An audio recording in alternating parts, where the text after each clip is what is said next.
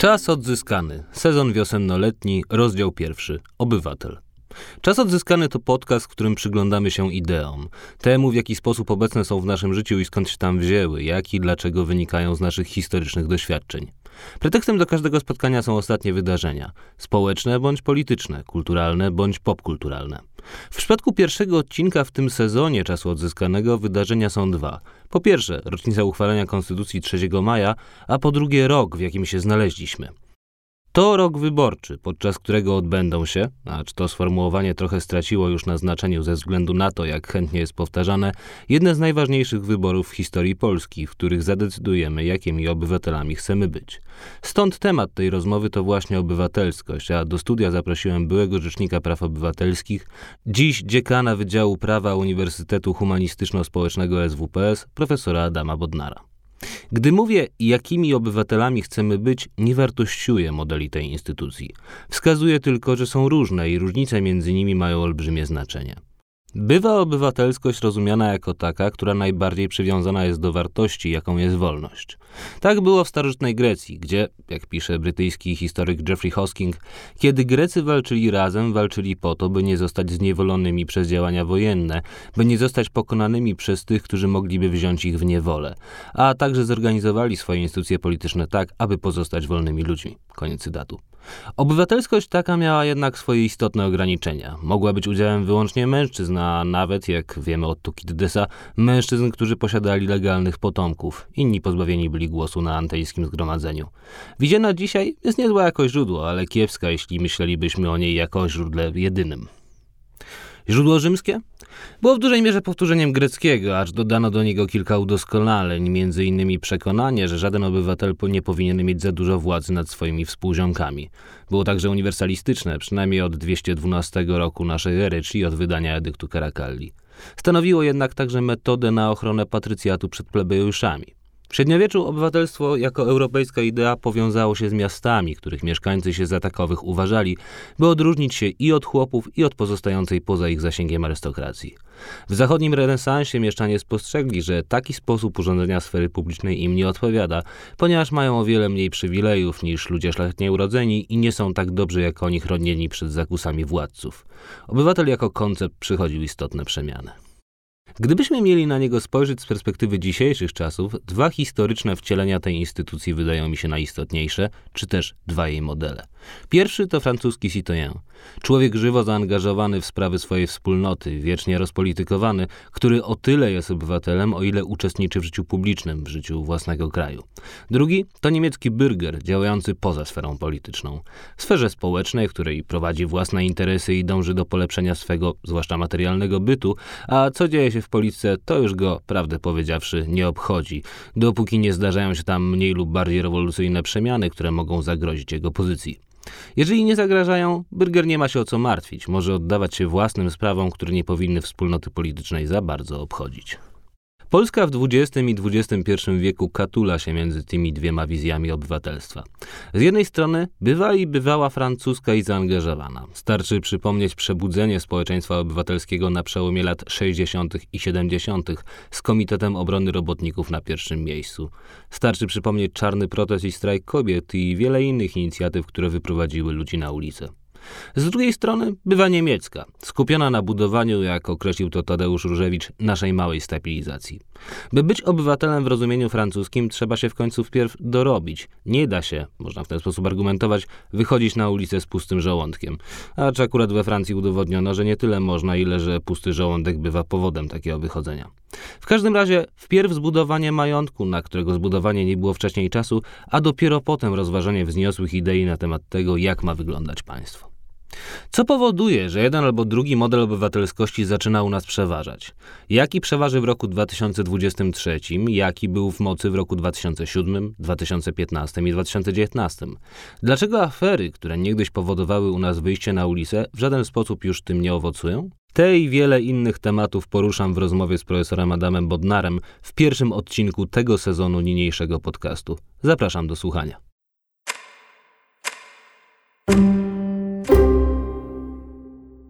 Adam Bodnar, dziekan Wydziału Prawa Uniwersytetu SWPS i były Rzecznik Praw Obywatelskich jest ze mną w studiu. Dzień dobry. Dzień dobry, panie doktorze, dzień dobry panu. Gdyby inna władza była, kiedy kończyłeś swoje rzecznikowanie, to gdzie byś był w innym miejscu niż ze mną w studiu? W tym momencie? Inna władza w jakim sensie? Inna władza, inna partia przy władzy, inny model władzy, gdyby wtedy e, w Polsce obowiązywał. Myślę, że e, bym się wtedy bardziej koncentrował na typowej działalności naukowej i na działalności w jakichś strukturach międzynarodowych. E, myślę, że gdzieś bym szukał pewnie jakichś możliwości rozwoju e, w jakiejś organizacji międzynarodowej typu Rada Europy, ONZ, czyli żeby się dalej zajmować prawami człowieka, ale w taki sposób bardziej myślę, że gdzieś na styku aktywizmu, dyplomacji. A w którym momencie ty zrozumiałeś, że nie da rady. To znaczy, że w momencie, w którym kończysz swoje rzecznikowanie, no to nie dostaniesz w ogóle wsparcia, a nawet dostaniesz antywsparcie ze strony instytucji państwa polskiego. Znaczy, dla mnie to było oczywiste od samego początku rzecznikowania. To znaczy, ja wiedziałem, że y, sam proces wyboru i dość jawna, mocna y, opozycja y, w stosunku do mojej kandydatury mocna kampania także, w której uczestniczyło wtedy Ordo Juris, które mnie e, zwalczało, plus późniejszy e, pierwszy rok kadencji, gdzie, gdzie pojawiły się próby odwołania mnie, no dla mnie to było jasne, że choćbym na rzęsach stanął, to w momencie, kiedy robię to, co robię i wypowiadam się tak, jak się wypowiadam na temat praw człowieka, to nie będzie żadnej przestrzeni do jakiegoś porozumienia. Ja jedynie liczyłem na to, żeby, żeby przynajmniej były zachowane pewne reguły instytucjonalnej współpracy i w większości przypadków to się udało. E, z jednym wyjątkiem Ministerstwa Sprawiedliwości, które myślę, że, ta, że od pewnego czasu ten proces, to jak oni traktują premiera Morawieckiego, to w pewnym sensie, ja nie chcę siebie w żaden sposób porównywać, ale, ale Ministerstwo Sprawiedliwości od ładnych kilku lat e, trochę stawia się tak poza państwem. Mhm. E, I ten proces no, był ma bardzo, na to środki. E, ma na to środki, ale przede wszystkim możliwości e, polityczne i pewną determinację, żeby tak właśnie postępować, że wszystko uchodzi na sucho. Natomiast w którymś momencie też zauważyłem, że na przykład podsekretarze stanu gdzieś ludzie, którzy już są trochę bardziej znaczący w polityce, już nawet się w biurze RPO nie pojawiają, okay. ponieważ gdzieś im to zaczęło, prawdopodobnie było to trochę na takiej zasadzie, że po co mają sobie robić zdjęcie w okolicznościach, które mogą im e, spowodować Znaczy nie będą ich kapitałem, e, tak. kłopot. Natomiast ciekawe jest to, że z kancelarią prezydenta dość przyzwoicie się współpracowało, prawie do, może nie do samego końca, ale, ale były jakieś tam inicjatywy, nawet pamiętam jedną taką konferencję na temat hospicjów e, e, wiejskich, to, mhm. to trzech ministrów z kancelarii prezydenta się pojawiło. To pani Romaszewska, pan. E, okej, okay, jeszcze, jeszcze, jeszcze dwóch innych, tak, tam się to trochę zmieniało, ale, ale było to mm, dość, dość istotne dla mnie, że dla nich nie było to kłopotem, żeby pojawić się w biurze RPO. Czy to przekonanie, że nie dostaniesz żadnego wsparcia, nie wpędziło cię w pewnym momencie, może wpędziło to jest złe słowo, bo, bo zakłada coś negatywnego, ale nie sprawiło, że poczułeś, ja nie jestem u siebie tutaj w Polsce. I jeszcze doprecyzuję. E, kluczowe słowo poczułeś. Nie chodzi mi o obiektywny stan, że jest jak jest, chodzi mi o to, co jest w tobie w środku i drugie słowo kluczowe Polska. Nie chodzi mi o Twoich najbliższych współpracowników, nie chodzi mi o Twoją bańkę społeczną, nie chodzi mi o Twoją rodzinę, miasto, dzielnicę, nie wiem, park z ulubionym drzewem. Chodzi mi o architekturę instytucjonalną państwa, że stwierdziłeś, ja do tego budynku nie pasuję, w tym budynku nie jestem mile widziany. I właściwie, no to skoro nie jestem tu mile widziany, no to może sobie gdzieś pójdę że w tym budynku e, czułem się zawsze jak u siebie, ze względu na to, że miałem pełne wsparcie wszystkich byłych rzeczników. E, I dla mnie to było naturalne, że jestem kontynuacją tej właśnie państwowości, która, e, która jest związana z Urzędem Rzecznika Praw Obywatelskich i, i która to państwowość jest przykładem dla innych państw europejskich. Także tutaj to, to było dla mnie ważne. Druga rzecz, to jednak y, starałem się y, uczestniczyć w tym życiu państwowym na tyle, na ile to było możliwe, czyli uczestniczyć we wszystkich uroczystościach, być tam, gdzie trzeba, wiedzieć, że też się posługuję orzełkiem, y, też flagą państwową i te wartości mam reprezentować, nawet jeżeli opcja rządząca wielokrotnie te wartości łamała. Myślę, że było mi szczerze łatwiej po wyborach parlamentarnych w 2019 roku, mhm. kiedy to Senat stał się zupełnie inną izbą, jeżeli chodzi o, o debatę i to y, i te, ta przez, ja czasami to nazywam w ten sposób, że się zwiększyła przestrzeń pluralizmu w naszej debacie publicznej. Y, to troszeczkę później wpłynęło na y, też postawę prezydenta, oczywiście z innych, z innych powodów. Natomiast i wiesz, to jest tak, że ja dużo czasu spędzałem w Polsce mhm. i starałem się właśnie nie koncentrować na tej E, wiesz, bańce warszawskiej, czy na warszawskim salonie, czy na e, tych środowiskach opiniotwórczych warszawskich, tylko cały czas sobie budować w głowie e, zrozumienie Polski jako, wiesz, 38-milionowego państwa, które jest bardzo zróżnicowane i w mhm. którym jestem mile widziany, tak? To okay, znaczy, a byłeś mile widziany? Oj tak, no to znaczy, wiesz, no jak jeździsz po Polsce, to to, bar, było, to było bardzo przyzwoite przyjęcie. Nie wierzę, zazwyczaj. że jakiś materiał wiadomości TVP nie wpłynął na postrzeganie się w jakimś miejscu, gdzie ludzie, nie z własnej winy rzecz jasna, a mają budowany mm, background informacyjny tylko na podstawie tego przekazu. E, oczywiście, że tak było, ale y, i były momenty, kiedy to nie wyglądało idealnie, ale w rzeczywistości były to rzadkie przypadki. To raz pamiętam, miałem taką sytuację, że e, gdzieś w Łodzi miałem spotkanie i jakaś była taka mini demonstracja w sumie, gdzieś tam protestująca przeciwko e, moim słowom e, w kontekście Holokaustu i udziału przedstawicieli narodu polskiego. To pamiętam, to, to było dość istotne. Ale jakieś czasami się pojawiały osoby na spotkaniach, prawda, czemu pan broni e, tych sądów, prawda, co pan zrobił w sprawie reprywatyzacji, z tego typu hasłami, ale to były raczej pojedyncze e, osoby i co więcej, nawet te osoby, które przychodziły z takim przekazem, jak się z nimi porozmawiało, to dało radę, w, w, może nie, że porozumieć się, tak, ale porozmawiać. Wiesz, ja miałem też taki etap, e, to już w ogóle teraz trochę to wspominam jak prawie prehistorię, ale na samym początku mi się zdarzyło zorganizować y, mm, jedną wspólną konferencję, takie spotkanie dla, uchodź, dla e, osób dotkniętych kryzysem uchodźczym w 2015 roku oraz dla osób e, z kryzysem bezdomności w Poznaniu razem z arcybiskupem Gondeckim. Okej. Okay. Tak, normalnie wspólne. Ale arcybiskup Gondecki wiedział, że to z tobą organizuje. Tak. Okay. Tak, i to wszystko było normalnie zorganizowane. Były takie dwie sale e, dyskusyjne, prawda, i z tej sali przechodziliśmy, razem to otworzyliśmy, razem zamknęliśmy, także w ogóle nie było z tym kłopotu.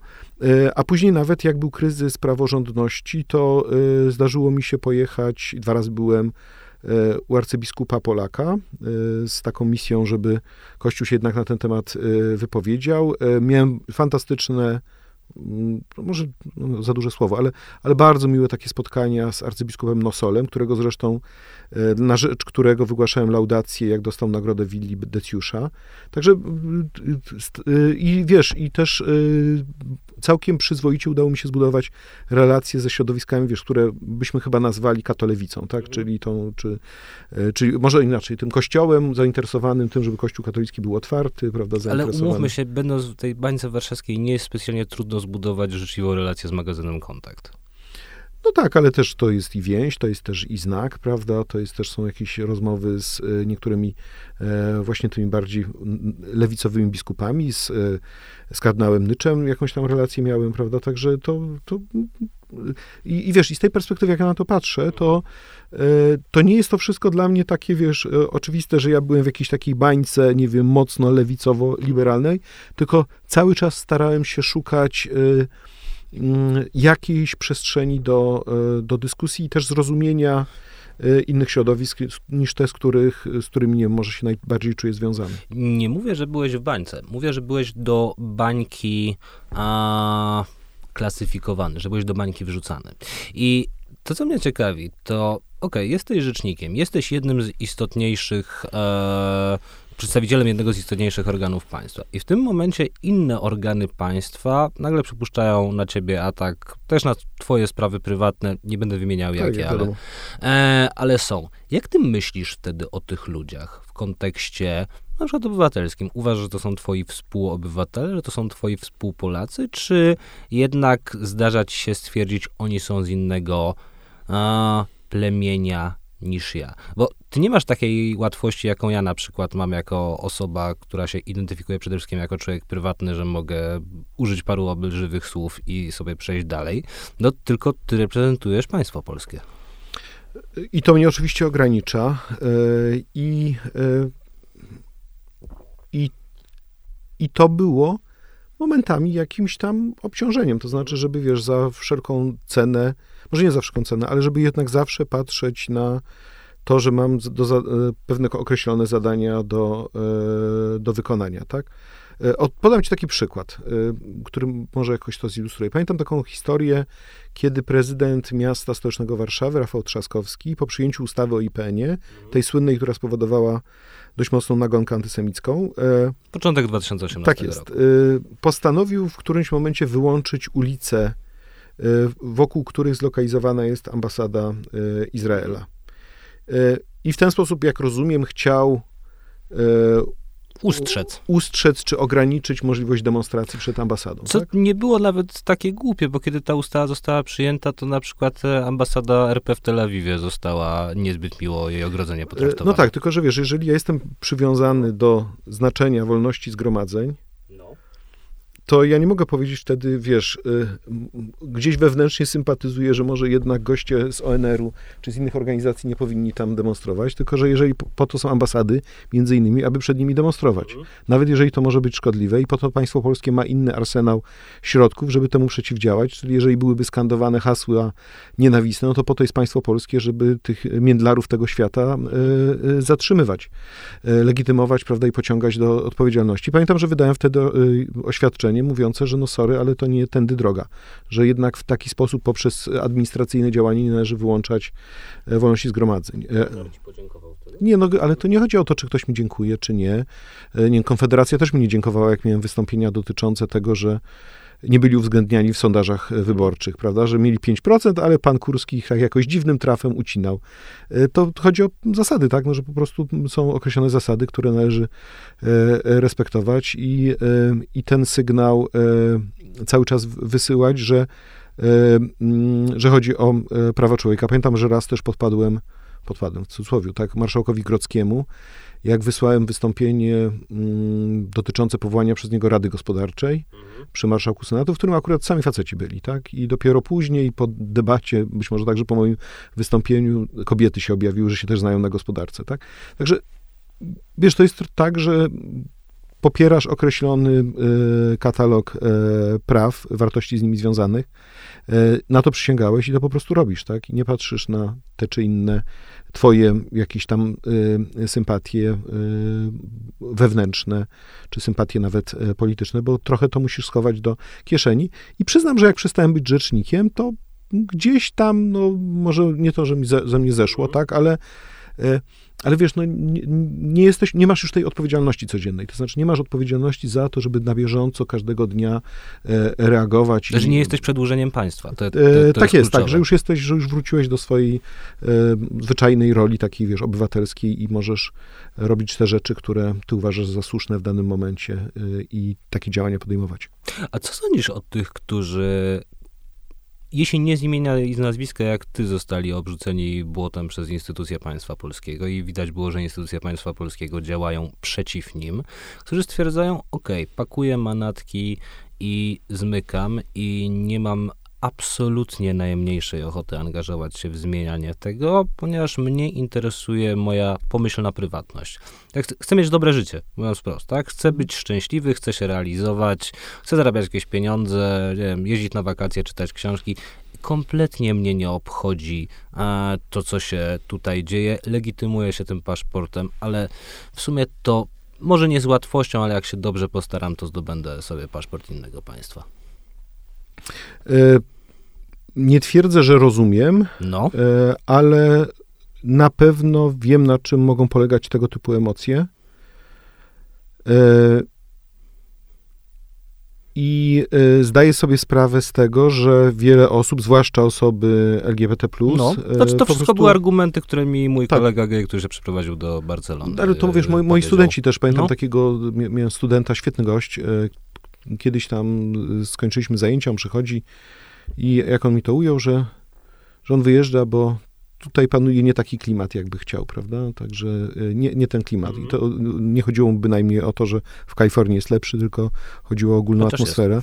I to jeszcze było długo przed tym, przed, e, przed a- absolutną nagonką na osoby LGBT+. Ja w ogóle uważam, że ten rok e, 2020, prawda, ten rok wyborczy był absolutnie koszmarny i był taką swoistą I kulminacją. 19 w sumie też, bo ja pamiętam, że ta Mm. nagonka się, wiesz co, zaczęła chyba od tej karty LGBT Tak. przyjętej w Warszawie. No to dosyć dobrze pamiętam, bo byłem wtedy e, w Niemczech na takim dłuższym stypendium mm, w Moguncji, które jest dosyć małym miasteczkiem i mm, akurat były jakieś tam, nie Pride Month, ale jakieś, e, wiesz, e, zwykłe e, obchody czegoś tam, więc było mnóstwo tęczowych flag swoim mieście. Pamiętam, jak jeździłem ze swojego e, mieszkania na siłownię i czytałem sobie polskiego Twittera, idąc w otoczeniu tych flag i cały czas je bijając. I to było takie poczucie, Jezus Maria, zupełnej schizofrenii, że jedno jest w moim telefonie, a drugie jest tutaj na zewnątrz. E, To znaczy, absolutnie uważam, że tam, ja nawet jestem w stanie wskazać ten moment e, przełomowy,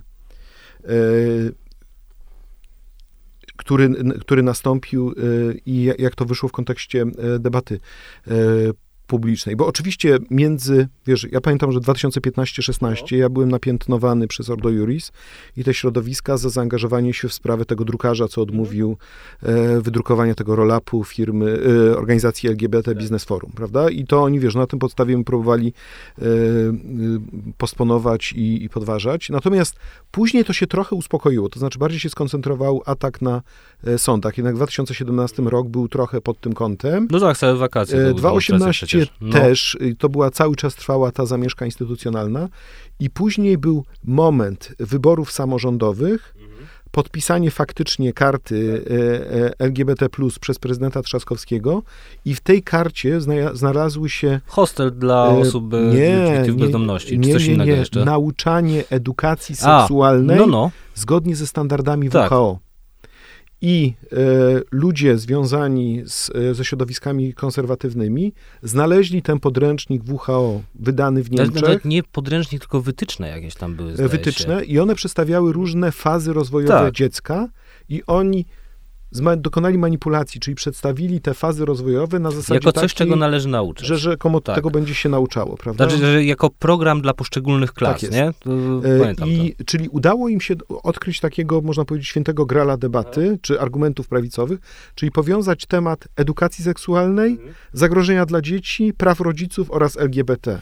to. Co mamy to teraz w trochę bardziej radykalnym stanie, czy radykalnej manifestacji przy okazji osób transpłciowych. I to nie tylko w Polsce, bo jak spojrzysz na Stany Zjednoczone, to mm, tak mm, się ta w cudzysłowie debata tam rozwija. Y, t- Tak, i, mam wrażenie, że te nasze środowiska prawicowe są pewnie gdzieś inspirowane przez jasne, różne tak. mechanizmy właśnie, które gdzieś płyną e, z tych środowisk e, ewangelizujących e, amerykańskich. Ale to później się przełożyło na atak na prezydenta Trzaskowskiego.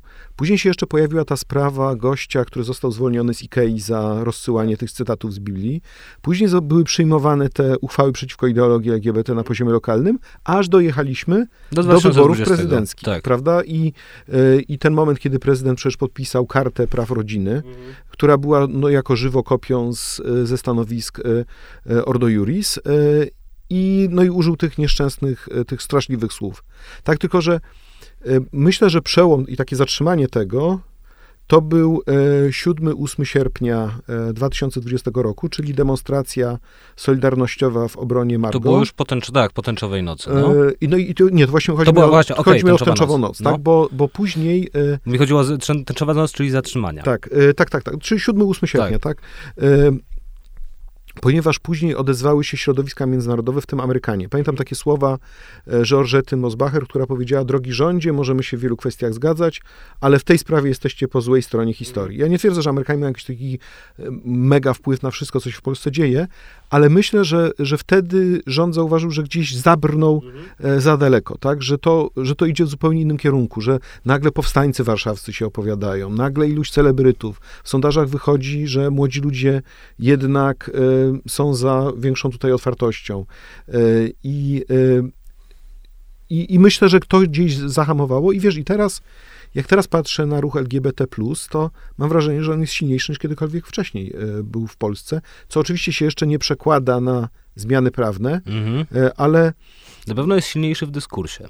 Na pewno jeśli chodzi o jakąś społeczną pozycję, tylko że można być właśnie na silnej społecznej pozycji, ok, i być po prostu w głowach ludzi, w jakiejś tam collective consciousness. Niemniej jednak nie mieć najmniejszego wpływu właśnie na to, jak wyglądają uwarunkowania instytucjonalne. Tak? Być taką przez cały czas opozycją, bo jakaś opozycja musi być. Tak, ale wiesz, jeżeli. Yy, yy Uczestniczyłem w ostatniej Paradzie Równości e, w czerwcu 2022 e, roku i widzę te wiesz, to naprawdę 50 tysięcy, 60 mhm. tysięcy ludzi, tak? I to nie jest tak, że wiesz, sobie ktoś na kartce dopisał, jak to u nas bywa, że jest 5 tysięcy, a ktoś sobie później mówi tam, nie, nie, było 20, I ktoś prawda? jeszcze liczył tak? Tylko faktycznie, wiesz, ta, ta, ta, ta, ta demonstracja była naprawdę gigantyczna, tak? I ci ludzie się ciągnęli, ciągnęli. Ta Mariana, Marianna Schreiber, nieszczęsna na tym, e, szukająca y, przestrzeni dla, dla, dla, dla, siebie. Pro, dla siebie i dla prowokacji, tak? Y, y, ale i te, i, te, i te środowiska biznesowe, czy wiesz, czy w zeszłym tygodniu byłem na y, zakończeniu, przez chwilę, nie mogłem być dłużej, zakończeniu festiwalu y, filmów LGBT+. Wiesz, no jest festiwal, odbywa się w wielu miastach i nikt się w ogóle tym nawet nie interesuje. A jak nikt się tym nie interesuje, znaczy w sensie takim, żeby robić jakąś nagonkę, to znaczy, że jest jednak lepiej, tak? To znaczy tak, nie no, coś się zmieniło, no, tylko że twój student, który mówił o klimacie, też A miał dużo racji. E, nie? Miał, nie, no nie zmieniło się, bo on cały czas nie może zawrzeć e, ani związku partnerskiego, ani małżeństwa. E, adopcji to w ogóle zapomni, prawda? Mowa nienawiści jak najbardziej. Nie, nie, to pod względem instytucjonalnym nie, ale myślę, że jednak no, wszystko zależy od tych wyborów parlamentarnych. Jeżeli e, o, myślę, że opozycja demokratyczna e, nie ma innej opcji niż, e, niż przyjęcie tego minimalnego pakietu trzech ustaw, moim zdaniem, czyli... Z tym bym się zgodził, ale jeśli mówimy jeszcze o sile obywatelskiej o tych, którzy wyjeżdżali, do jakiego stopnia ty masz wrażenie, że obowiązkiem obywatela jest troska jego kraj i jego zmienianie. I teraz e, powiem ci, dlaczego o to pytam. E, kiedy wybuchła wojna w Ukrainie, kiedy Rosja najechała Ukrainę, bardzo wielu Rosjan e, no, spieprzyło ze swojego kraju. Nie? I czytałem mnóstwo głosów, nie wolno im pomagać, ich obowiązkiem jest zostać tam i działać na rzecz tego, żeby zmieniła się władza, żeby to już tak e, nie wyglądało. Także mieli mnóstwo czasu, żeby to zmienić, no a skoro te, teraz sobie wyjeżdżają, no to oni nie są naszą sprawą i tak dalej, i tak dalej. I przypomniało mi się wtedy po pierwsze mm, to stwierdzenie dosyć znane o państwach totalitarnych, że pierwszą ofiarą tyrana są zawsze jego obywatele, a po drugie sobie pomyślałem, że no kuźwa nieźle, no to jakby, nie wiem, Walter Benjamin uciekał pod koniec lat 30. z hitlerowskich Niemiec, no to też byście mu powiedzieli, chłopaku, wracaj do Berlina i z tym Hitlerem walczmy, ci tutaj nie będziemy pomagać. No co ty chcesz do Nowego Jorku? Jakiegoś, nie wygłupiaj się.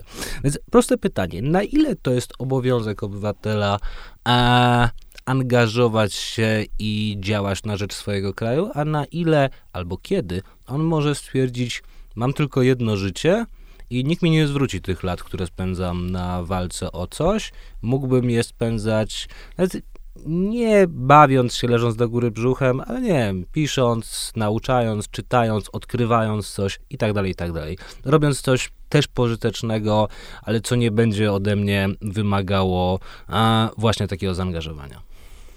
Wiesz, to jest bardzo indywidualna rzecz, e, moim zdaniem. I wszelka generalizacja, i wszelkie odsądzanie e, i wskazywanie obywatelom, co mieliby robić, e, jest z gruntu rzecz biorąc narażone na, e, na zarzut, a jakim prawem ty wskazujesz, a jakim prawem ty, ty, ty decydujesz.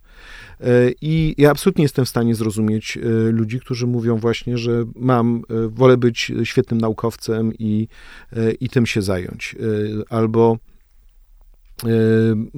gdzieś oddalają się w kierunku realizowania swojego życia prywatnego. Natomiast ja uważam, że moja rola. Powinna być taka, żeby mimo wszystko zachęcać. E, e, zachęcać do jakiejś formy, choćby minimalnej, e, zaangażowania. Tak? Wiesz, są formy radykalne, moim zdaniem, radykalnie obywatelskie. Ja uważam, że. Na przykład taki... Nawalny wracający, żeby. A, nie, to to już w ogóle to jest, wiesz, to jest poza innymi znaczy to jest, to już jest kate, kategoriami. To, znaczy, no. ta jego scena, kiedy on wraca, prawda, jest zatrzymany w tym busiku, który jedzie z, z samolotu, prawda, do E, do lotniska i się całuje z tą swoją żoną, e, to w ogóle wiesz, no to jest coś takiego, co, to wiesz, ciary przechodzą, tak, że tak, że tak można się zachować, nie? E, ja mam na myśli, wiesz, takie rzeczy, że można, wiesz, żyć za granicą, być bezpiecznym całkowicie, spełnionym absolutnie, a każdą minutę życia poświęcać na zaangażowanie. I może ci zaskoczy, dla mnie taką osobą, która pokazuje, jak można to robić, ale w formie skrajnej, no. to jest profesor Wojciech Sadurski. Y, który za to, wiesz, on nawet sobie nie zdajesz sprawy, jak on jest na bieżąco z tym wszystkim, co się w kraju dzieje. Wiem, bo spotkałem go ostatnio w knajpie i też byłem okay. zdziwiony tym, jak sobie tam ucięliśmy pogawędkę, o ilu od rzeczach wie, które normalnie się dzieją w Polsce na co dzień. No, no właśnie, I, a wiesz, a on nie ma takiej szansy, żeby pójść tu na imprezę, tu z kimś pogadać i tak dalej. On to musi wszystko e, ściągać albo z, oczywiście z Twittera, na którym jest cały czas obecny, albo poprzez lekturę e, prasy, kontakty z przyjaciółmi, ale to jest jednak imponujące, jaki to jest poziom zaangażowania, bo wiesz, sam byłeś na stypendium nieraz i wiesz, jak to jest, jak się posiedzi dwa miesiące. No to jest fantastyczne, człowiek I ta rzeczywistość odcina. się tak oddala, tak. oddala, a u niego jest kompletnie inaczej, Aha. tak? E, ale to jest, mówię, to jest przykład skrajny. I, Ale tutaj, jeszcze w tej skrajności to ci przerwę, bo kiedy ty powiedziałeś o kimś, kto siedzi za granicą i cały czas je żyje z, z sprawami swojego kraju, to powiedziałeś o Sadurskim, mnie przyszedł do głowy trochę bardziej zamierzchły przykład, e, czyli Tomasz Mann, siedząc w Stanach podczas e, drugiej, II wojny światowej. Tylko, że problem jest taki, nie wszyscy Jesteśmy wybitnymi niemieckimi no tak. pisarzami. Nie wszyscy jesteśmy profesorami prawa konstytucyjnego. Czasem jesteśmy, nie wiem, barberami, mm, informatykami, aktorami, sklepikarzami, whatever.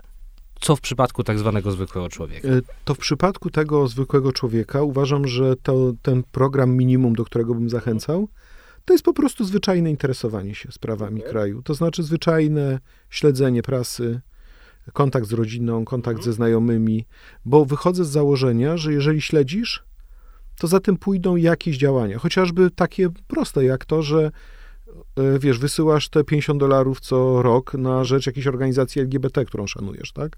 Albo, e, nie wiem, wspierasz otwartą Rzeczpospolitą, albo, e, albo wpadniesz na pomysł, żeby gdzieś tam w tych środowiskach polonijnych coś, coś zorganizować i, i, i porozmawiać.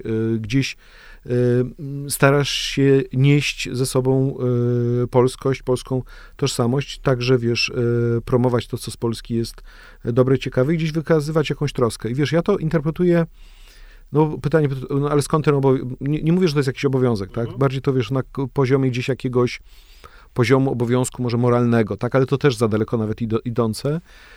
Jak gdzieś to sobie myślę w taki sposób, że jednak a, stąd, tu masz swoje korzenie, tu gdzieś wyrośli twoi, wiesz, rodzice, dziadkowie, pradziadkowie, e, ale dla młodych ludzi to jedną rzecz bym wskazał szczególnie. To znaczy, nam się może wydawać, że my wszystko możemy na świecie i nasz świat stoi przed nami, wiesz, e, jest w naszym zasięgu, tak? Tylko myślę, że nie doceniamy, ile tej Polsce za, zawdzięczamy. To znaczy, wiesz, dla mnie, ja wiem, że jestem tu, gdzie jestem, dzięki temu, że miałem bardzo dobrą podstawówkę, bardzo dobrą szkołę średnią. E, miałem bezpłatne studia wyższe. Super. E, miałem Dwie świetny... rzeczy, o których powiedziałeś, Miałem... nie będą a już udziałem dzieci, które się w tym momencie a, rodzą, które będą na maksa y, uciekały do szkół prywatnych i społecznych. Tak, ale zauważ, że te szkoły prywatne i społeczne... Też mają nauczycieli, którzy tych się nie, gdzieś nie, nie, wykształcili. Nie, co Dobra, innego. No? Nie, nie, nie. W Polsce znaczy, ja uważam, że to jest w ogóle jeden z większych problemów Polski obecnie. To znaczy, to, że my odchodzimy od edukacji, która byłaby rzeczywiście powszechna i egalitarna, na rzecz tworzenia dwóch światów, czyli świata elit i świata całej reszty, mhm. e, to jest dla mnie jedno z większych niebezpieczeństw Rzeczypospolitej. To znaczy to, że wiesz, że masz prawnika boga, z, z, y, bogatego prawnika z dobrej kancelarii w centrum Warszawy, który sobie siedzi na tym 30 piętrze wieżowca, jak w piosenkach Kazika, prawda? Y, zarabia gigantyczne pieniądze dzięki temu, że obsługuje tutaj ten rynek gospodarczy i dzięki tym pieniądzom stać go na to, aby stworzyć sobie alternatywne państwo. No, wypisać się z systemu. Wypisać się z systemu, tak, w sensie edukacji, zdrowo, e, w sensie edukacji zdrowia, e, nie wiem, mieszkaniówki, wszystkiego. Ale to nie musi być tylko udział prawnika z 30 piętra. Nie, ale wiesz, to no może to być też udział kogoś, znam. kto... y, Dobra, ja też, ale ja też na przykład widzę siebie, ja nie jestem prawnikiem z 30 piętra, natomiast kiedy, nie wiem, miałem w zeszłym roku problem z nogą i jak się dowiedziałem, że czekanie do lekarza państwowego to jest około chyba trzech lat e, na ten problem, który miałem, no to mm, wyasygnowałem tych kilka stówek, żeby sobie iść prywatnie, tak? I to nie było tak, że ja po prostu sobie stworzyłem państwo w państwie swoje, sobie b- zostałem jakimś, wiesz, księciem patrymonialnym, który sobie wzniósł mur naokoło swojego księstewka, no tylko to była konieczność, bo inaczej noga by mnie bolała. E, Ale to wiesz, no też byłbym hipokrytą, gdybym powiedział, że też tak nie robię, prawda? Oczywiste jest, że też mi się tak zdarza, prawda? Że nie, nie korzystam, e, e, nie, nie ma jakiegoś, znaczy nawet ze szkoły chyba z mojego uniwersytetu mógłbym mieć, ale nie, nie wykupiłem e, tych wszystkich, e, tych, tylko jestem normalnie zapisany i jak są jakieś takie podstawowe, normalne historie, to chodzę do e, lekarza pierwszego kontaktu. Natomiast, e, ale zwróć uwagę na jedną rzecz, że jak mieliśmy pandemię, to wszyscy uczestnicy systemu korzystali z tych samych karetek. Oczywiście. I z tych samych tak, znaczy to była respiratorów, taka koniec mamy- iluzji Luxmedu. I jak mamy chorobę onkologiczną, to sorry, ale e, rentgena, a nie Medicover czy jakiś tam inny LuxMed, który oczywiście może pomóc w pewnym zakresie, ale na koniec jednak korzystasz z publicznej służby zdrowia w kontekście rzeczywistego ratowania e, życia. Dlatego natomiast y, m, zmierzam do tego, że, że to jest dla mnie też jakaś wizja przyszłej Polski, to znaczy to budowanie społeczeństwa nie opartego na ciągłym podziale, także materialnym, ale także na pewnej równej dostępności różnych usług e, e, publicznych, e, zwłaszcza zdrowia i zwłaszcza edukacji. Jeszcze może edukacji powiem. Wiesz, no, ja też mam wiesz, kontakt, to na co zwracam uwagę, nie wiem, czy pamiętasz mój Hot 16 Challenge. Ja tam miałem taki fragment o tym, że no, generalnie mam pewne wątpliwości dotyczące elitarnych liceów, tak to mniej więcej brzmiało, e, ale później mówię, że przed tam ludźmi z prowincji, że w stosunku do ludzi z prowincji mam tam wielki szacunek, prawda? Wiesz, w tym tygodniu byłem na spotkaniu z młodzieżą w Mławie, w szkole w Mławie. E, I wiesz, dzieciaki fajne, wiesz, fajnie się z nimi gadało. Później było jeszcze drugie spotkanie dzieci z tak zwanych klas mundurowych, czyli byli, wyobraź sobie, ubrani, wiesz, mundury policji, e, wojska, marzą o tym, żeby wstąpić, wiesz, do WOT-u, do policji, tak? Jak sobie tak pomyślę, to to jest, wiesz, zupełnie inny świat, tak, niż, ale w świat nie w sensie takim, e, że to jest jakaś inna młodzież, oni mówią tym samym językiem, tego samego Mickiewicza się uczą, e, Oglądają pewnie też te same E, TikToki. Pewnie te same ten, tylko chodzi mi o to, że e, poziom aspiracji jest inny, tak? Że, że dla tej mławy podejrzewam studiowanie e, na SGH jest czymś wow, tak? A wiesz, na, dla gości z liceum czackiego to jest e, Stanford, tak? NYU i no ewentualnie jakaś Sorbona, prawda? Także i, i to nam się rozjeżdża, tak? I to i my musimy cały czas myśleć, jak jak to naprawiać, jak, to, jak te światy łączyć ze sobą. A w którym momencie właśnie zagranica stała się dla polskiej elity e, takim punktem odniesienia, że zagranica, a nie własny kraj? E, ilustruję to takim ładnym cytatem. To jest taki fragment w powieści Antoniego Libery Madame, który strasznie lubię. Ja też lubię. bardzo, tak. E, pamiętasz, tam jest scena, w której ten kolega głównego bohatera, Rożek Golc, e, mówi na mm, lekcji francuskiego, że najlepsi tutaj to są ci, którzy przybyli skądś, mówię to o Koperniku, że tam z domu Watsenrode, albo ci, którzy e, wyjeżdżają. Po czym, jak się dowiadujemy z epilogu, sam pracuję teraz na Wydziale Fizyki w Princeton. W którym momencie właśnie ta zagraniczność stała się tak nęcąca dla polskich elit? Coś, czego Wiesz, no nie ma we Francji na przykład, tak? We Francji masz sobie te grand école, y, które będą sobie kształciły francuską elitę. Wszystko się odbywa w ramach jednego kraju. E, Wielka Brytania, okej, jest międzynarodowa i ich uniwersytety przyciągają ludzi z całego świata, no ale jak jest, nie wiem, chcesz zostać premierem Wielkiej Brytanii, to nie będziesz jechał na drugi koniec świata, żeby się wykształcić, tylko się kształcisz u siebie. E, dowolne e, inne kraje. Znaczy, nie wiem, nawet wiesz, e, systemy takie bardziej totalitarne w stylu Związek Radziecki też tworzyły sobie własne kuźnie elit e, i dopóki prosperowały, a przestawały prosperować, kiedy rządzący zaczynali posyłać dzieci do szkół Szwajcarii. E, ja powiem ci, jak to ze mną było, bo ja mam jedno takie osobiste doświadczenie z tym związane. Jak byłem w ostatniej klasie e, liceum, ja pochodzę z Gryfic, to przyjechałem na jakiś taki program stypendialny mm, Krajowego Funduszu na Rzecz Dzieci. Też byłem tam stypendystą. Bardzo miło. Dopóki mnie nie wyrzucili za palenie papierosów, to jest prawdziwa historia. Czekałem kiedyś, żeby ją opowiedzieć. Och, to ja, ja nie paliłem. Do dzisiaj nie palę. Twoja strata. Natomiast ja tam e, poznałem Rafała Pankowskiego, e, wtedy aktywistę e, Stowarzyszenia Nigdy Więcej, mhm. obecnie profesora bodajże w ISNS-ie UW. I on właśnie, słuchaj, e, on był tym moim tutorem, prawda, tam kilka lat starszy, e, i on, wyobraź sobie, wtedy wrócił z jakiegoś stypendium w Eton i za chwilę się wybierał do Oksfordu. I dla mnie to było, jakbym zobaczył Marsjanina.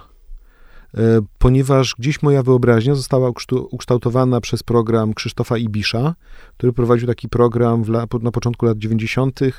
Jeśli nie Oxford, to co?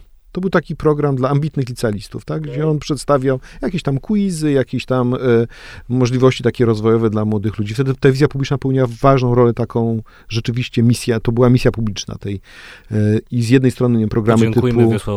E, no. Typu, wiesz, Błaże, rower Błażeja, mhm. taki bardzo fajny, z drugiej strony właśnie tego typu programy. Ale właśnie ten Oxford z różnych powodów, i materialnych, i odległości, i, i jakichś aspiracji, dla mnie się jawił jako coś w ogóle nie do zdobycia never ever, prawda? Mhm.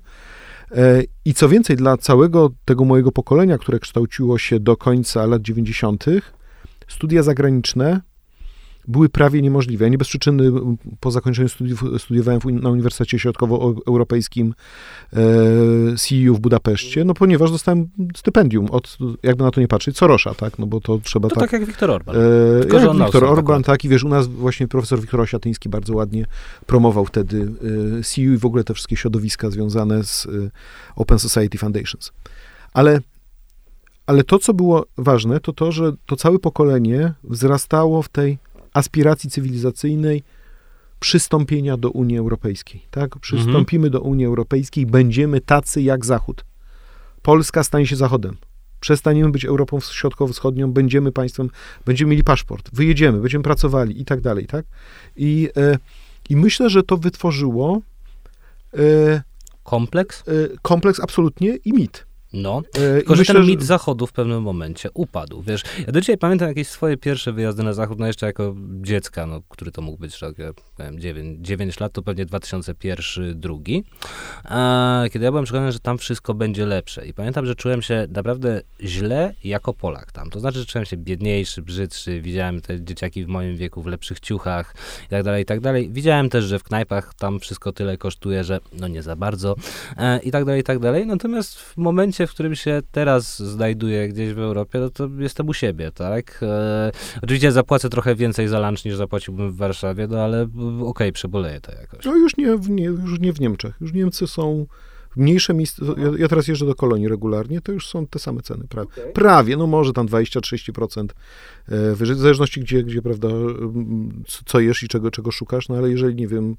e, przeciętna pizza kosztuje te 35 zł, tak, no. do 40, no to tam kosztuje też 90 euro, okay. tak? No to już są te, te, te ceny, prawda? Także mhm. tu inflacja plus, y, y, plus y, konsekwencje, prawda, pandemii mi się wydaje, że nas zbliżyły. Ale ja absolutnie teraz mam dokładnie to samo uczucie. To znaczy, wiesz, jeżeli chodzi o, o kwestie różnych możliwości, które daje które dają polskie przedsiębiorstwa, kancelarie, firmy IT, także uczelnie w wielu przypadkach, zwłaszcza te uczelnie techniczne e, i zajmujące się e, czy, czy, czy z zakresu nauk medycznych, czy kwestia, nie wiem, prężności naszej sceny artystycznej, e, muzyki, to my naprawdę nie mamy tutaj, e, nie ma absolutnie żadnego nie, powodu Już nie ma, po, już nie ma kompleksu. mocy powiedzenia, że dobre jak na Polskę, nie? Nie, nie, to absolutnie E, nie. To, to- że to się skończyło. A słuchaj, a jeśli mówimy o polskiej obywatelskości, bo jeśli sobie spojrzymy na historię naszego kraju, to mam wrażenie, że to jest taka sinusoida, że e, wielki wybuch, potem długo, długo nic, kolejny wielki wybuch, potem znowu długo, długo nic, kolejny wielki wybuch i tak dalej, i tak dalej. Jak sobie myślę właśnie o tej historii obywatelskości polskiej, nie wiem, drugiej połowy XX wieku, to powiedziałbym, ok, 56, 68, e, może trochę 70, 80, no i 90 i tyle. Co jest pomiędzy i jak, dlaczego ta obywatelskość właśnie tak wygląda? Dlaczego ona jest taką obywatelskością, że stagnacja, bum, stagnacja, bum. Ale mi się wydaje, że cała, cały problem polega na tym, że w tym międzyczasie nie było stagnacji, tylko że po prostu były inne wydarzenia, inne e, działania, które budowały pewien określony kontekst e, e, społeczny, który następnie wybuchał. No weź, weźmy na przykład nie, lata 70., tak? No, oczywiście możemy powiedzieć, że się nic nie działo, bo tam, prawda, e, Mistrzostwa Świata w piłce nożnej, e, ta, czyli te mity e, założycielskie polskiej reprezentacji, Orły Górskiego, Olimpiada, siatkówka Montreal. I teraz mi prawda? powiesz, że jednak się formował kor w dwóch mieszkaniach na Żoliborzu. No ale jednak się formował, ale jednak, wiesz, powstawał wtedy ruch helsiński, prawda, nastąpiło, nastąpiła odwilż w relacjach e, wschodnio-zachodnich i gdzieś był, e, gdzieś zaczęli, zaczęło dojrzewać nowe pokolenie robotników, które też zaczęło dostrzegać Zachód i widzieć, że Zachód może wyglądać e, inaczej, aż dojechaliśmy do 80 roku i do karnawału Solidarności. Wiesz, to znaczy to wszystko, to się nie wydarzyło od tak po prostu z, z dnia na dzień, tak? To Dobra, jednak a jakaś tam podbudowa e, trwała. No, i, I wiesz, i to nie, był, tylko- to nie był tylko KOR, ale pó- w późniejszej, w końcówce lat 70. e, to był przecież e, i Romaszewscy przecież działali, prawda, i Komitet Helsiński, który nie był wcale aż tak, znaczy był gdzieś tam powiązany z KORem, ale jednak to były inne e, środowiska i na uczelniach się sporo, sporo działo. I, I wiesz, ja to widzę obecnie tak samo, bo ludzie mówią, o Boże, protestowaliśmy w 2020 roku w kontekście wyboru, wyroku Trybunału Konstytucyjnego w sprawie legalnej aborcji. I się nic nie zmieniło, tak? E, Bo, bo teraz e, pr- protesty e, ucichły. No dobrze, tylko że wiesz, ja na to patrzę z perspektywy mojej prawniczej i widzę tak, fantastyczne dziewczyny, które prowadzą sprawy przed Europejskim Trybunałem Praw Człowieka, wiesz, Kamila Ferenc, Agata Bzdyń, e, Monika Gąsiorowska. Widzę aborcyjny Dream Team, prawda? Widzę represje w stosunku do Justyny Wydrzyńskiej. Wiesz, to wszystko się dzieje, może to są, wiesz, malutkie kawałki, Mhm. ale one gdzieś do czegoś będą prowadziły. dobra, tylko... Chociażby no, w kontekście jasne. tego jednego tematu. Dosyć łatwo przeszedłeś od lat 80. do 2020. To w takim wypadku, co się działo w trzeciej RP? Bo e, kiedy właśnie myślę o historii trzeciej RP, to mam wrażenie, że to jest dużo, dużo czasu do roku 2015, kiedy Polacy są e, obywatelami takimi, którzy sobie no, budują swój majątek, swój kapitał. No, trudno protestować, jak ma się pusty żołądek, chyba że jest się Francuzem, wtedy wychodzisz, bo masz pusty żołądek e, na ulicę. E, I dopiero od 2015 Polacy się, tw, e, robi się z Polaków naród polityczny. Nie wiem, czy ty się zgodzisz z taką tezą. Co więcej, powiem ci, e, że uważam, że to jest e, największa zasługa PiSu. Zrobienie z Polaków narodu politycznego. E, Znaczy, to ja się zgadzam z tym, że, e, że faktycznie to, to rzeczywiste poczucie obywatelskości i upominania się o prawa i wolności obywatelskie obudziło się w 2015 roku. Ja może ci podam to na dwóch, na jed, wiesz, ja mogę mnóstwo różnych przykładów podawać, ale pamiętam, że taki, jest taki jeden, który mnie osobiście bardzo irytował i, y, i z którym nie byłem w stanie się y, pogodzić i nawet o, ten, tą, o jedną sprawę się pokłóciłem raz z samym Adamem Michnikiem. Wiesz, ja tu młody chłopaczek, który tam się jakimiś prawami człowieka zajmuje. To jest temat więzień CIA. No. E, do mnie to, ta, ta sprawa trafiła. Mm, wiesz, ja zacząłem pracę w Fundacji Helsińskiej w 2004 roku, w listopadzie. Sprawa gdzieś wybuchła w Polsce w 2006 roku. Tak, 7. to byli wtedy ci słynni talibowie w klewkach. Nie, nie, to, to, zostało... to są w ogóle dwie różne historie. Tak? A, tak, to, to, to, nie, nie, nie. To jest, y, to, to Maria Wiernikowska o tym pisała, tak. To są, dziś nastąpiło takie pomieszanie y, y, w debacie, ponieważ nawet nie jest taki facet, jak on się nazywa, był taki gość, który udzielił takiego dużego wywiadu dla Czarnej Owcy, który był pułkownikiem służb specjalnych. Okay. Kaczorowski jakoś. Nie, to. Okej. Okay. Dobra, e, sprawdzimy to jeszcze. No. I on tam były jakieś transakcje dotyczące szmaragdów, w których uczestniczyli różni ludzie z tamtych. O Jezu, wiem o kogo ci chodzi. W kontekście firmy Uniwersum. Tak, tak, tak. To był handlarz e, kamieniami szlachetnymi, też tak. nie pamiętam jego nazwiska. Tak, i to były dwie inne historie, tak, bo, mm -hmm. bo, bo, tutaj, e, tu nikt się nie kręcił, tu nikt o niczym nie wiedział, mm tu były tylko i wyłącznie, wiesz, samochody, e, które były w zarządzie CIA, które kursowały między Szymanami a Starymi Kiejkutami, czyli do ośrodka wywiadu i tu nikt nie miał prawa w żadnym tutaj e, turbanie, prawda, czy co ja gadam w turbanie, w tych, e, w szatach e, muzułmańskich biegać gdzieś po, po ulicach. To, to nie był film Essential Killing. Tak jest, no nikt, nikt też nie uciekł. Nikt też nie uciekł. Ale wracając, i w Polsce ta historia była traktowana jako jeden wielki żart i dowcip. No oczywiście, że tak. I w momencie, kiedy pojawiały się kolejne informacje, że to jest jednak prawda, to wszyscy jak jeden mąż odrzucali taką narrację, mówiąc, że to zaszkodzi polskiej racji stanu, że to jest szkodliwe z punktu widzenia interesów Polski, relacji z Amerykanami i tak dalej, od lewicy do prawicy. No. E, i sam Adam Michnik napisał jakiś taki tekst, że właśnie tutaj etyka odpowiedzialności powinna polegać na tym, że w takich sytuacjach się współpracuje, zamyka oczy i bardzo tyle. Bardzo lubię przywoływanie przez Adama Michnika w bardzo partykularnych sytuacjach politycznych, bardzo y, odległych, odległych i wzniosłych konceptów filozoficznych. No, y, no właśnie. I teraz y, pamiętam kiedyś się tam z nim spotkałem i, i, i, na ten temat rozmawialiśmy, nie byłem w stanie zrozumieć, jak człowiek, który sam był przez tyle lat pozbawiony wolności, bity i represjonowany, e, nie jest w stanie zrozumieć, że taką sprawę trzeba wyjaśnić, że skoro mamy w tej konstytucji absolutny zakaz tortur, nieludzkiego mhm. poniżającego traktowania, to co by się nie działo, mamy to wyjaśniać. Bo dla mnie to było po prostu oczywiste, że skoro jest taka konstytucja i i na tej konstytucji mamy to wszystko opierać, to powinniśmy to respektować. Ale to nie była główna myśl wtedy. To znaczy, y, my wiesz, w Fundacji Helsińskiej, próbując pozyskiwać jakieś środki na dział- takie klasyczne działania dotyczące praw człowieka, to byliśmy traktowani na zasadzie takiej, no tak, no tak, oczywiście, tak, to jest ważne, ale wiecie, tam przecież jesteśmy w Unii, jest tego. Mhm. Te wyroki w Strasburgu, no tak, no trzeba tam coś z nimi Czyli zrobić. byliście traktowani trochę jako ci, którzy mówią tak zwane mądre banały, mhm. które wszyscy niby akceptują i przechodzą obok nich jak obok letniej herbaty. Kompletnie się nimi nie przejmują. Momentami miałem takie, e, takie wrażenie i e, także e, na, pe na pewno, wiesz, ja czasami sobie też żartuję, że po przystąpieniu Polski do Unii Europejskiej, nie wiem czy wiesz, co moim zdaniem było największym y, celem cywilizacyjnym Polski.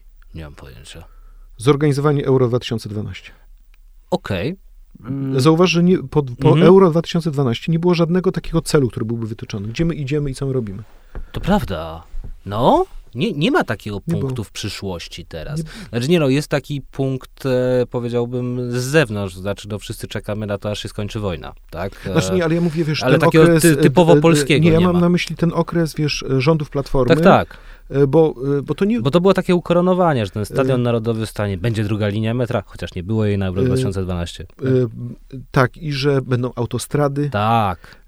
Prawda, że się zmniejszy bezrobocie, mhm. że wejdziemy na ścieżkę wzrostu gospodarczego i tak dalej. A to, że się były umowy śmieciowe, mhm. no okej, okay, no takie są wymogi rynku pracy i, i to, że nie ma mieszkań, no to zrobimy jakiś tam program, prawda, mhm. dofinansowania. Zabrakło takiego ja myślę, że na tym wygrał w dużej mierze PiS, tak, że on powiedział, ok, ale my przynajmniej damy, tak, y, no to ja benefity mam... socjalne mm i przywrócimy godność. Tak? No to moim zdaniem zwycięstwo PiSu a, było a, e, oparte na czymś troszeczkę innym. Znaczy, to nie jest tylko moja teza, e, pisali o tym w tej swojej wspólnej książce Iwan Krastew i Stephen Holmes. E, ono wynikało z poczucia, że nie ma alternatywy. W tym sensie, że wiesz, że ludzie byli tacy, że okej, okay, że są jakieś inne nurty polityczne, inne sposoby konceptualizowania sobie władzy, właśnie bycia obywatelem i tak dalej, i tak dalej, ale to to wszystko taka ciekawostka, bzdurka. Ten nurt, który obowiązuje teraz, to jest ten, który powinien być. Nie ma alternatywy. Ci po prostu jak głosujesz na tamten, to e, idź do psychiatry, sprawdź sobie łepytynę, tak? E, I to było coś, co obudziło w Polakach, nie tylko zresztą w Polakach, w Amerykanach także, w bardzo wielu różnych, a, różnych, różnych nacjach to poczucie polityczne, że no okej, okay, my chcemy wybierać z całego spektrum nurtów, e, kolorów, gam i tak dalej, mm, to jak ma to wyglądać, a nie iść tym, dlatego że ten jest już e, tak e, racjonalny, że aż, że aż przeżyczysty, nie? Więc e, tak bym to widział. Myślę, że masz e, dużo racji, ale właśnie no z czego wynika, że zabrakło, bo, bo byliśmy przyzwyczajeni mm, do tego, że ktoś państwem zarządza, mhm. daje poczucie bezpieczeństwa i względnego, względnego podkreślam, dobrobytu, który to dobrobyt nie był równo dzielony na poszczególne mhm. grupy społeczne. E, I wiesz, taką wielką porażką, e, moim zdaniem, rządu Donalda Tuska tamtych czasów było to, że był jeden facet, który coś próbował z tym zrobić, tak w sensie koncepcyjnym, czyli Mi Michał Boni. Tak. Przygotował ten raport Polska 2030. Można się z różnymi rzeczami zgadzać, nie zgadzać, ale jednak, wiesz, był to jakiś wysiłek, ileś miesięcy tak. władowanych w to, żeby mieć jakąś koncepcję, jakąś wizję, w którym kierunku zmierzamy. O tym też fajnie pisał profesor Czapliński w książce Poruszona mapa, że właściwie nie wiadomo, w którym kierunku Polska idzie, bo ona się po prostu porusza jakoś siłą rozpędu, a mm. czy pójdzie prawo, lewo, wschód, zachód, y, południe, północ, no to zależy od jakiegoś zewnętrznego czynnika, bo nie ma właśnie jakiegoś narzuconego jednego. E, przy czym wiesz, ja mam wrażenie, że rządy PiSu doprowadziły do tego, że my sobie to coraz bardziej odpowiadamy, Oczywiście, w którym kierunku tak. chcemy zmierzać. Tak. Ja uważam, że im bardziej patrzę na polską mhm. debatę, tym może się ze mną nie zgodzisz, tym bardziej mam wrażenie, że my idziemy jednak w kierunku Skandynawii, tak? Że, że ten jednak tak, model... ale to też wynika ze słabości instytucji. To znaczy, że jak widzimy, jak potwornie słabe są te instytucje, o których już mówiliśmy, właśnie ochrona zdrowia i edukacja, to nasze, no, nasze pomyślne przeżywanie prywatności jest zagrożone. Mhm. No bo nie będziemy czekać 10 godzin na sorze. Więc e, ta prywatna sprawa się robi obywatelsko-polityczna, dlatego będziemy szli w stronę skandynawską właśnie. Trochę nie rozumiem tego no, argumentu no, z tym prywatną. Nie, bo dla mnie, no. wiesz, ja bardziej myślę w kontekście jednak y, dostrzeżenia no. ludzi mniejszych miast. Y, A, w tym sensie. Wsi i w sensie takiego konstruowania polityk publicznych, no. aby y, o nich nie, nie zapomnieć. Czyli, że, że, że nawet, wiesz, Platforma Obywatelska, która była jednak partią typowo liberalną, no, skręca bardzo mocno w kierunku socjaldemokracji. Tylko, że ja zakładam, przepraszam, żeby to, to, to zrozumieć, e, to, co mam do powiedzenia, to to, że nastąpi zmiana władzy. To znaczy, bo w przypadku, kiedy Prawo i Sprawiedliwość by kontynuowało, to, to myślę, że jednak zmierzamy w kierunku mocno wschodnim, tak. e, czyli... Albo południowo-wschodnim. Czyli jakiś właśnie taki satrapii e, rządów, może autorytarnych, ale takich nie do końca, prawda, jakiegoś takiego nomenklaturowego układu e, e, władzy. Natomiast, znaczy takie ruling by cheating. E, no tak jak tam Andras Szajo to napisał, tak, to można by tak... Tak, tylko wiesz, to, to z jednym zastrzeżeniem, tak, bo my się różnimy tym od Węgier, no. że Orban ma wokół siebie oligarchów, mhm. którzy, kumpli, którzy z nim tam... z tego powodu miał czas, żeby ich sobie tak zbudować. A my mamy spółki Skarbu Państwa zamiast oligarchów, które dają tak. przestrzeń do zatrudnienia kilku tysięcy ludzi, którzy tworzą nową nomenklaturę. Nową nomenklaturę, ale taką, która nigdy nie zrobi wielkiego skoku na kasę, tak? To by ona będzie dostawała pensje, które pozwolą na super życie, mhm. nawet, nie wiem, kupienie sobie paru mieszkań, żeby jakieś tam fundamenty rentierstwa sobie zbudować. E, niemniej jednak to nie będzie cały czas właśnie skok tak, jak gadaliśmy przed. E, audycją, że za chwilę będą private jety. No? Ale jesteś pewien? Ja nie, wiesz, ja nie, nie, nie wykluczałbym, że w momencie, kiedy zostaną wyeliminowane wszelkie mechanizmy y, kontroli, bo, bo teraz jest jednak sytuacja jakiegoś takiego wzajemnego szachowania się w obozie władzy. Ale w momencie, kiedy jedna jakaś frakcja dojdzie naprawdę do, do, do władzy i zacznie widzieć, że jest w stanie że może. gigantyczne pieniądze tak. Y, pozyskiwać y, i jeszcze gdzieś tam te środki unijne do swojej własnej kieszeni przekładać, to kto wie, czy z tego nie powstaną jednak jakieś już takie poważniejsze majątki czy istnieje możliwość obywatelskości nienarodowej? To znaczy, czy ty widzisz możliwość e, jakichś właśnie wspólnot, a nie tyle obywatelskich, obywatelsko-konstytucyjnych, które mają swój pomysł na rzeczywiście od góry do dołu swoją zbiorowość, tak? E, ale będą ale ich punktem odniesienia nie będzie państwo, niech nie będzie naród, będą w nich, ich punktem odniesienia będą one same, e, ci, którzy po prostu w nich uczestniczą. E, czyli czy można być obywatelem, poczuwać się do bycia obywatelem, nie mając z tyłu głowy narodu, państwa, państwa narodowego? Trudne pytanie. Y, ja swego czasu no, sporo czytałem i pisałem na temat y, obywatelstwa i, i pamiętam, że to, co mi chyba najbardziej gdzieś tak utkwiło w głowie i co gdzieś myślę, że może pasować do pewnych y, sytuacji rozwojowych no. w naszym, naszej rzeczywistości, to jest taka koncepcja, między innymi Joseph Weiler o tym trochę pisał, czyli to obywatelstwo takich e, zróżnicowanych prędkości i geometrii, tak? E, czyli, e, czyli to, że raczej my będziemy łączyli w sobie różne wymiary na różnym poziomie emocjonalnym tej naszej obywatelskości, tak? Czyli, czyli dla części osób bardzo ważny będzie ten wymiar lokalny, czyli związanie ze swoim miastem, a mniej ważny na przykład wymiar E, tożsamości e, narodowej. Dla jeszcze innego ta tożsamość narodowa będzie istotna, a lokalna mniej, ale za to, e, a jeszcze dla innego właśnie te, ten wymiar europejski, gdzieś przywiązanie do Europy, w odróżnieniu od przywiązania, które występuje na przykład do tych wartości, które występują na przykład w Stanach Zjednoczonych. Jednak, wiesz, są pewne elementy, które myślę, że nas Europejczyków łączą, jak chociażby pewien, mi się wydaje, że E, czy podejście do praw człowieka, czy do wolności indywidualnej, czy do roli państwa, e, czy też do tych elementów socjalnych, o których mówiliśmy, czy chociażby opór wobec chociażby posiadania broni, prawda? Myślę, że jest ileś tych, e, tych aspektów. Ale myśl, myśl, ja myślę, że to bardziej zmierza w takim kierunku, że my te różne tożsamości łączymy. Zwróć uwagę na jednego człowieka, który robi bardzo dużo ciekawych rzeczy na poziomie tożsamości. On ma oczywiście w tym swój cel polityczny, ale on to robi bardzo ciekawie. Łukasz Kochut który, okay. europarlamentarzysta, który zajmuje Ślązak. się mniejszością śląską. Tak. Ale zobacz, to nie jest śląskość na zasadzie wykluczająca, my tu silny naród śląski, który tutaj zawsze był... E, nie, to nie jest nacjonalizm XIX-wieczny. Tak.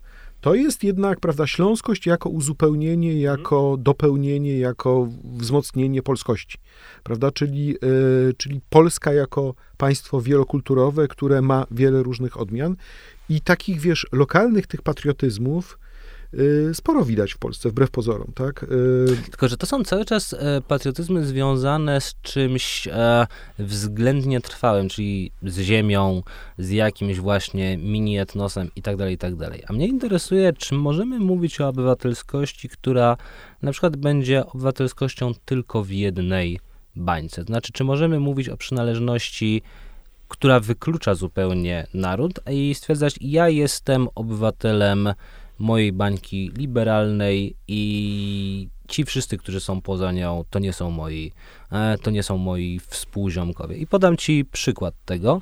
Był parę lat temu niestety storpedowany potem pomysł, którego ja byłem wielkim entuzjastą e, naukowców związanych właśnie z Central European University, żeby zrobić takie Stany Zjednoczone Polski. E, o co chodziło? Chodziło o to, że oddajesz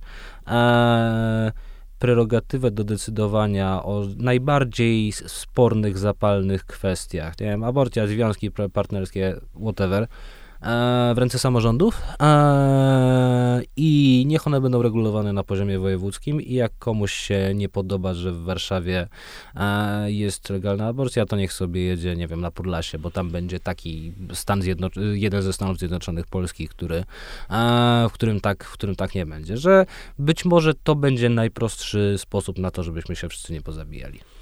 E, Maciej Kisilowski to tak. chyba wymyślił, prawda? Nie, to ja pamiętam, czytałem to kompletnie, tego nie, nie kupiłem. Jakoś sobie, to ja ci powiem, jak ja to widzę, bo być może to odpowie też, o, jaką ja mam wizję y, dotyczącą konstruowania tego przyszłego mhm. Polaka, obywatela. Y, to znaczy, ja bym do tego wszystkiego, jeszcze co jeszcze powiedziałem do tej pory, y, dodał to, co moim zdaniem mimo wszystko się wytworzyło albo się tworzy powoli w Polsce, czyli to, co Niemcy nazywają e, patriotyzmem konstytucyjnym, tak? E, z wszystkimi ograniczeniami. To znaczy, ja sobie zdaję sprawę z tego, że u nas to odwoływanie się do konstytucji jest e, pewnym narzędziem e, e, obrony określonych wartości. Tym bardziej, że teraz się bardziej odwołujemy do takiej konstytucji, nazwałbym to wyimaginowanej trochę, bo odwołujemy się bardziej do pewnego zestawu wartości, które utożsamiamy z konstytucją z 2 kwietnia 97 roku. Ale niż... w konstytucji bońskiej masz to samo. Tam hmm. bodaj jest tam ten e, chyba trzeci artykuł, że organy władzy publicznej i sądy są związane e, przy tam zasady nie, nie tylko literą prawa, ale też jego duchem. Więc jeśli mówisz o konstytucji bońskiej, no to również o tym samym. E, tak, tylko że mi chodzi o to, że obecnie do konstytucji też się odwołuje ten nieszczęsny Trybunał A, Konstytucyjny, okay, który ją interpretuje na różne dziwne sposoby. No. Jakbyśmy zaczęli używając, e, e, wiesz, metod interpretacyjnych sięgać do tego, co nasz E, co Trybunał Konstytucyjny pod wodzą Julii Przyłębskiej sądzi na temat e, integracji europejskiej, to byłby to, byłby to zupełnie inny zestaw wartości niż ten sprzed 2015 roku. Także to, to mam na myśli, mówiąc o tym zestawie wartości, że to jest ta konstytucja, tak jak ona jednak była interpretowana e, przed 2015 rokiem, plus cały ten zestaw umów międzynarodowych otaczających konstytucję z naczelną rolą, moim zdaniem, w Polsce zwłaszcza, orzecznictwa Europejskiego Trybunału Praw Człowieka. Ono bardzo głęboko przenika do naszej e, świadomości. Nie wiem, czy wiesz, że według jednych badań, których, e, w których, e, które przeprowadzałem razem z panią dr Bonikowską z Centrum Stosunków Międzynarodowych, 78% osób badanych zwróciłoby się do Europejskiego Trybunału Praw Człowieka, gdyby miało problem. No. I był to lepszy wynik niż RPO, niż Rzecznik Praw Obywatelskich, sądy, media, politycy i tak dalej. Ale to jest też kwestia tego, że ufamy czemuś zewnętrznemu. E, ale wiesz, ale to coś... Tam nas nie skrzywdzą. Tak, ale ten zewnętrzny organ jest y, dość y, skuteczny jakoś wypracował zaufanie społeczne. Nie wiem, czy wiesz, że y, sprawy swoje przed Europejskim Trybunałem Praw Człowieka mieli, no. słuchaj, takie osoby jak, po kolei, Dorota Rabczewska, tak. Grzegorz Braun. Dorota Rabczewska za to obra, znaczy określenie w sumie chyba dosyć trafne twórców Biblii jako y, no, to już zostało. upitych winem i napalonych ziołem, no. Ale y, nie, nie, chcę teraz tych wszystkich no spraw do? poszczególnych rozpatrywać, tak? Tylko chodzi mi o to, żeby pokazać, jak Że Trybunał łączy są, tak. całe Aha. nasze społeczeństwo. Czyli masz tak, Dodę, Grzegorza Brauna, Jacka Kurskiego, Marcina Kąckiego, Andrzeja Stankiewicza, Jerzego Urbana, e, Dorotę Kanie, Bertolda okay. Kitela i teraz nawet swoją sprawę przed Trybunałem w Strasburgu Malech Wałęsa. Oni powinni założyć jakiś taki klub, klub bo spotkania, ze spotkania tego klubu były naprawdę wybuchowe. to, to, to, byłoby niezłe, tak, tak. E, na, moje doświadczenia ze Strasburgiem, prawda? Ale ten, e, ale wracając do tego, no do tej konstytucji e, i do tego patriotyzmu konstytucyjnego. Uważam, że w przyszłości bardzo ważne jest nie tyle szukanie podziałów i że wy tutaj Podkarpacie to inaczej, a, e, a wy w Poznaniu to jeszcze inaczej, tylko szukanie tych mechanizmów partycypacji, które wzmacniają poczucie uczestnictwa we wspólnocie i oddziaływania na e, sprawy bieżące. Czyli wypełnianie tych przestrzeni obywatelskości, które nie są zapełnione przez bieżący proces polityczny, który ma dość wykluczające y, znaczenie. Nie należysz do partii, bardzo trudno jest ci się, prawda, przebić, albo y, bardzo trudno jest doprowadzić, żeby twój głos był w jakikolwiek sposób y, wysłuchany. Czyli dlatego ja na przykład bardzo popieram te wszelkiego rodzaju panele obywatelskie, no. budżety partycypacyjne, rzeczywiste, poważne traktowanie konsultacji społecznych. Realizuję teraz taki projekt, to nie jest projekt, ale będziemy robili trzecią e, debatę, e, która jest tak, taką debatą międzypokoleniową, gdzie łączymy sobie w małych miejscowościach e, osoby starsze, seniorów z młodzieżą, lat tam 16-18, żeby sobie dyskutowali o różnych kwestiach i poprzez spotkanie, żeby gdzieś mm, budowali u siebie taką troskę o sprawy y, wspólne. I wydaje mi się, że zwłaszcza jak pojedziesz na, do Polski samorządowej, to widzisz, że tych inicjatyw jest sporo, ale one nie tworzą jeszcze takiej masy krytycznej, żeby budować y, to współczesne poczucie obywatelskości, ale obywatelskości w całej wspólnocie państwowej, ale, a, a, nie, a nie tylko i wyłącznie w odrębnie tych poszczególnych środowisk. Czyli ja jestem, i wiesz, na przykład jak myślę o panelu obywatelskim, no, no to ja sobie myślę tak, że okej, okay, niech się te 100 osób spotka, niech one zostaną wyłonione w taki sposób, żeby reprezentować cały przekrój społeczeństwa i niech sobie gadają przez te kilka, przez ten tydzień o nie wiem, dostępności aborcji. Niech to będzie transmitowane. Niech wyciągnijmy z tego wnioski. Zastanówmy się, jaki ten model chcielibyśmy e, wprowadzić i, i jak to później przełożyć na, na, na, na proces polityczny. Słuchaj, ostatnie pytanie. Chcesz, żeby było złośliwe, czy nie? Złośliwe w tym sensie, że jego treść będzie taka sama, jak będzie złośliwe, to jedną rzecz dodam.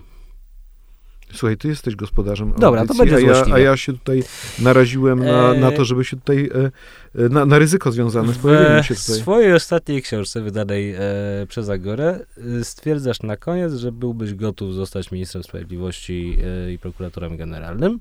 To jest element obiektywny. Element złośliwy jest taki, że z tego co wiem, e, przynajmniej trzem osobom Donald Tusk już to zaproponował na wypadek wygranych wyborów.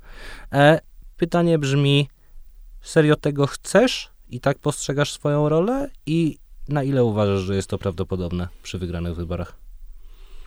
O, o, tym słyszałem, o tym drugim, że podobno trzem osobom no. zaproponował, no. to słyszałem. E, co ciekawe, ja nie należę do tego grona. A, okay. Bo, e, Czyli być może jesteś najbardziej prawdopodobny. Wiesz, jak ktoś wchodzi na konklawę papieżem, to wychodzi kardynałem. E, ja o tym powiedziałem w taki sposób, po to, żeby po pierwsze, że widzę siebie w służbie publicznej dalej. Po drugie, że musi być ktoś, kto będzie chciał to naprawiać, co się zadziało w wymiarze sprawiedliwości, a na tym się chyba najlepiej e, znam.